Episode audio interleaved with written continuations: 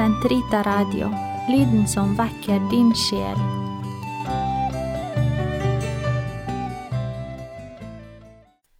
Karmels hage sesong to episode åtte Therese Alicieux offerakt I 2018 fant det sted en meget spesiell begivenhet i den katolske Skandinavia. De skandinaviske biskopene hadde invitert relikviene av Teresa Lucheux og hennes helligkårede foreldre Louise og Célie Martin på en rundreise med bil gjennom Danmark, Sverige, Norge og Island. Mange menigheter fikk besøk av disse vakre relikvieskrinene, og mange var dem som fikk lære Therese å kjenne enten på nytt eller dypere. Alle karmelittklostrene i Skandinavia var med på forberedelsene, både i bønn og oversettelsesarbeid. I bladet Karmel oversatte brødrene en artikkel av karmelitten Daniel Choning om Thereses offerakt til den barmhjertige kjærligheten.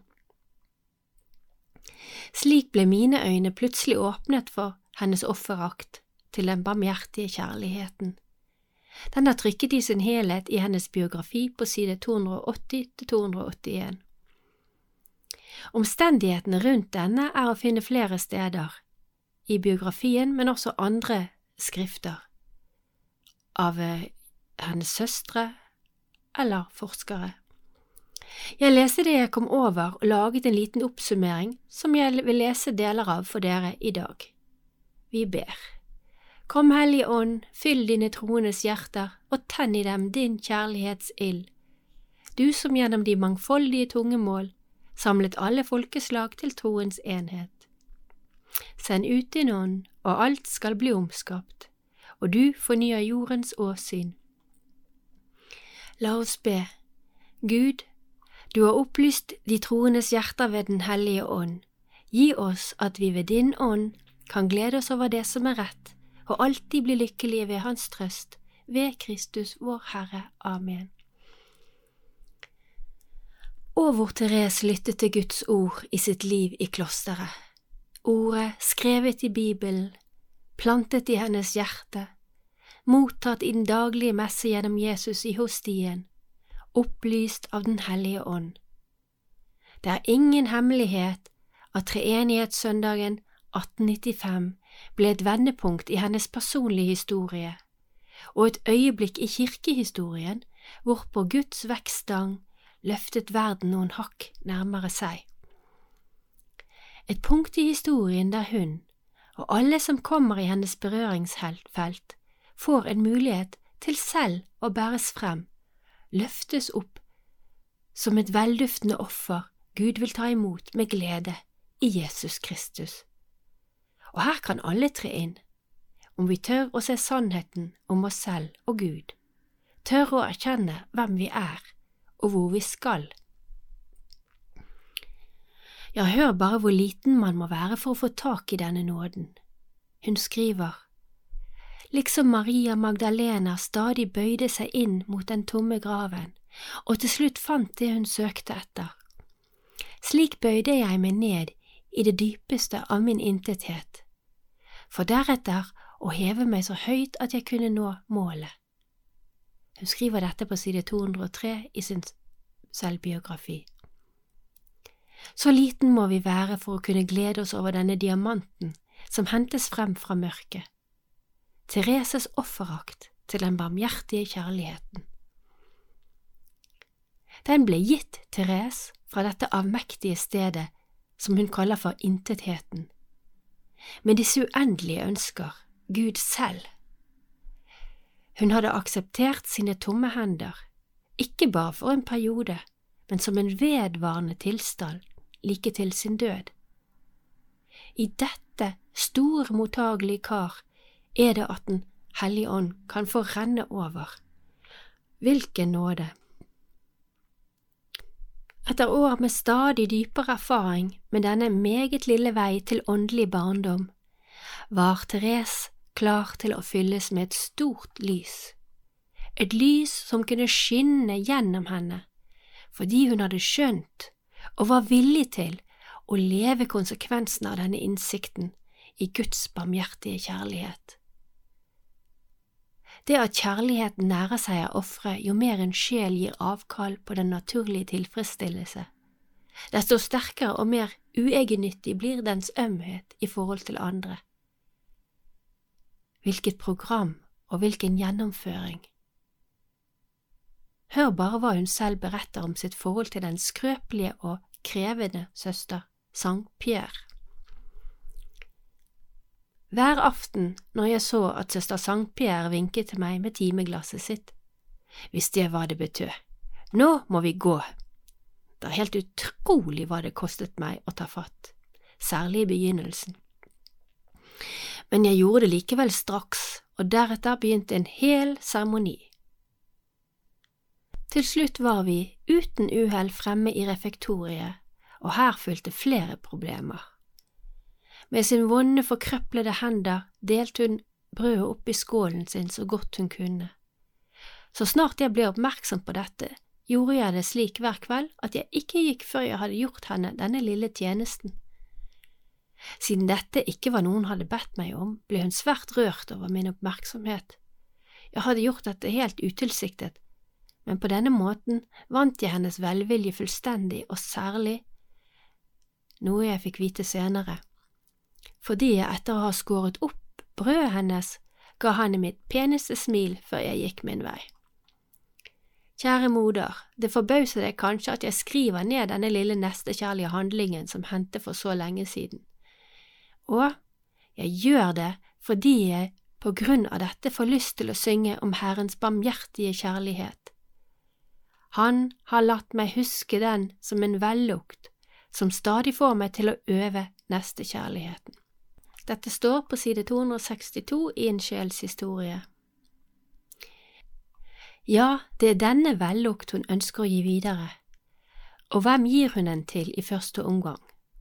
Jo, søstre og utvalgte noviser som hun visste var i stand til, med tid og stunder, å skjønne verdien og betydningen av offerakten. Søstre som selv strevet med å leve den kjærligheten som næres av offer, og som til stadighet opplevde at de ikke fikk det til.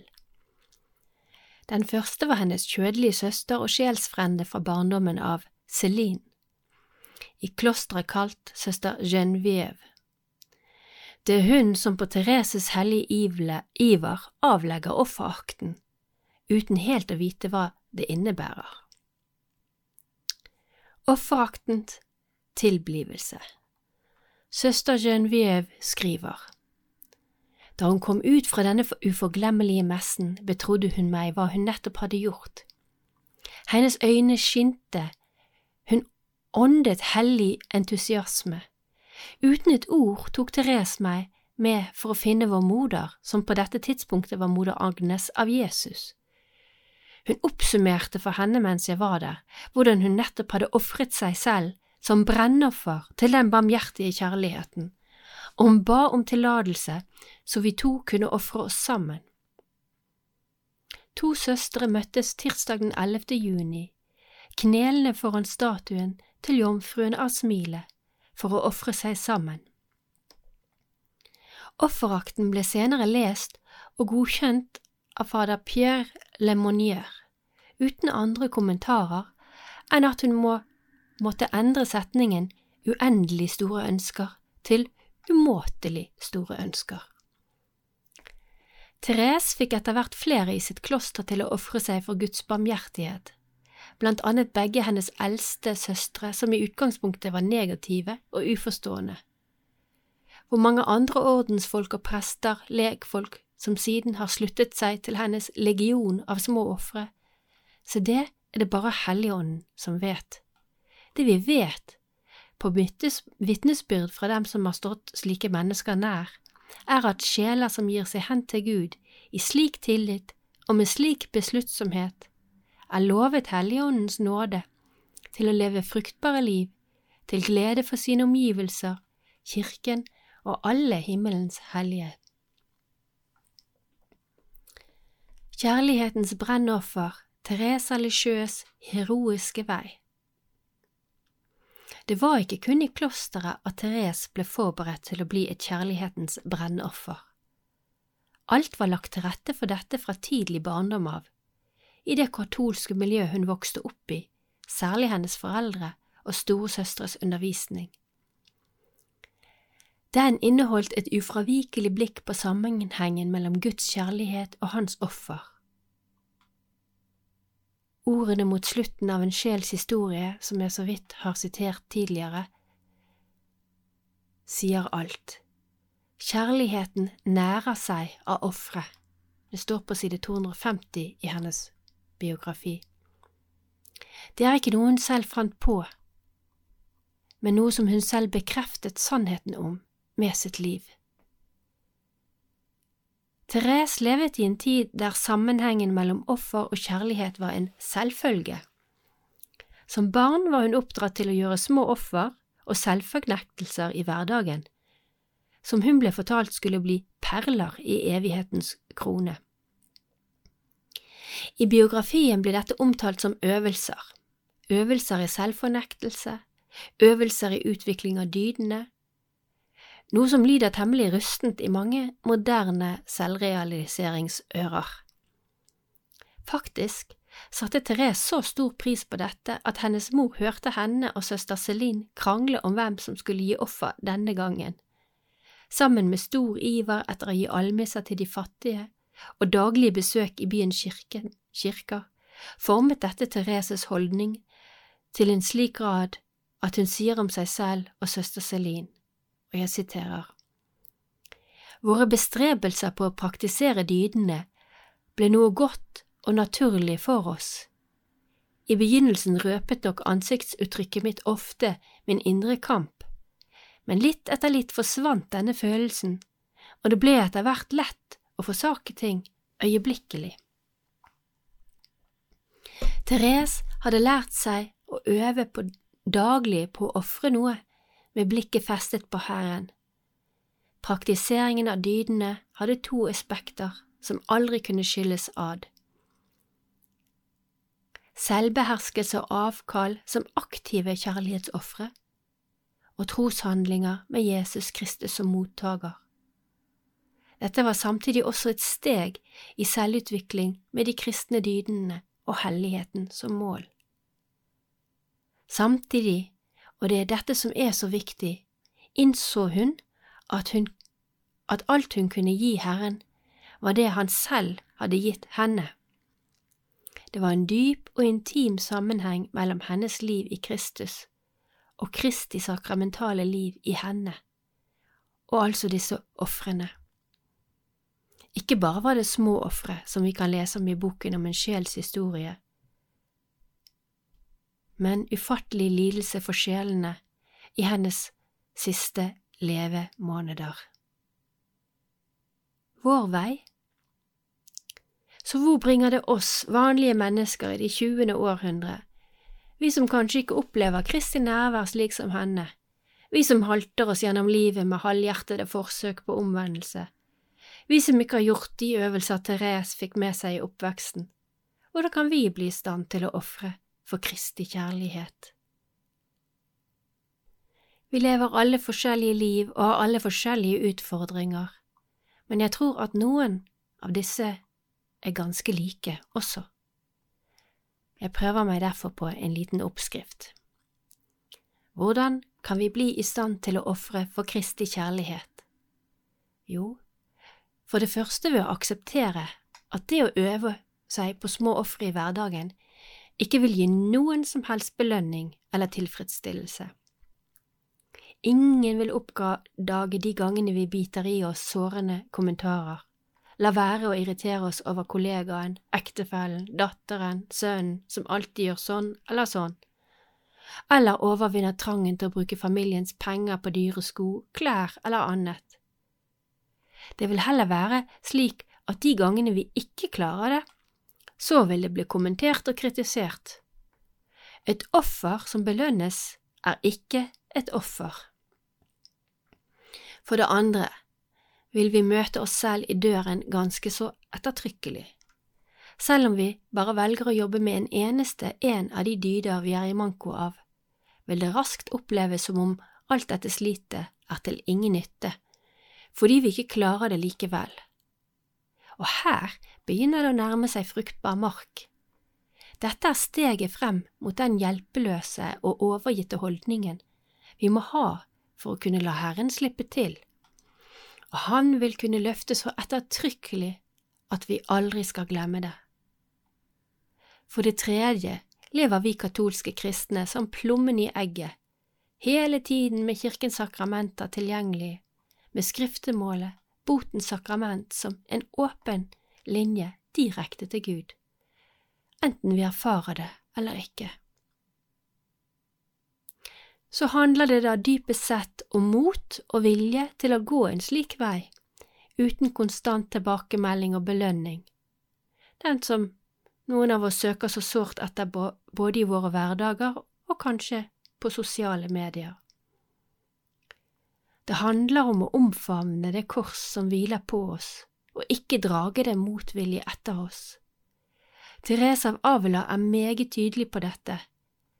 De som mislykkes senere i bønnelivet, er de som ikke allerede som nybegynnere har omfavnet korset. Det handler om viljen til å elske, viljen til å la kjærligheten til våre medmennesker og Gud næres av offer. Det handler om å tro på Ham som sa han skulle være med oss inntil tidenes ende, og et fullkomment håp om at Therese hadde rett når hun tillitsfylt trodde at selv den minste av hennes lidelser ofret til kjærlighet kunne frelse en sjel.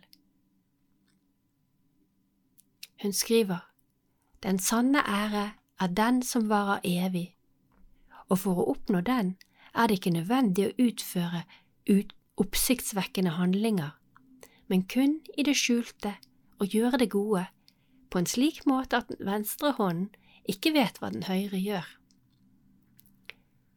I denne nåden, i denne intime, brennende og altoverskyggende kjærligheten som plutselig kan skje i forening med Herren, gjennom et sakramentalt liv, og et stillhetens kontemplative bønneliv, er det at vi må forstå Thereses liv og lære. På denne måten vi men vil vi sakte, men sikkert forstå bedre våre egne liv. Det er en oppfordring til oss, en vekker, til stadig å søke den ytterste grense for tillit og håp til Herren. For stadig å be om at sannheten om Guds kjærlighet og det bedende mennesket må få liv i oss. Lidelsen, når den tar over våre liv og gjør oss hjelpeløse, er så absolutt en slik ytterste grense. Men nettopp her, når vi innser at vi intet kan gjøre og må få alt, er det at vi på inspirasjon fra Therese kan få nåden til å be om at Gud kan bruke lidelsen til vår egen og andres helliggjørelse at vi gradvis må lære å akseptere våre tomme hender som den største nådegave når vi holder dem frem for Herren med håp og tillit om å få alt fra Ham. Vi avslutter i dag med en bønn som vi ba i forbindelse med relikvievalfarten i 2018. Hellige Gud, barmhjertige Far, til alle tider beriker du din kirke med eksempler på hellighet og vitner om din kjærlighet.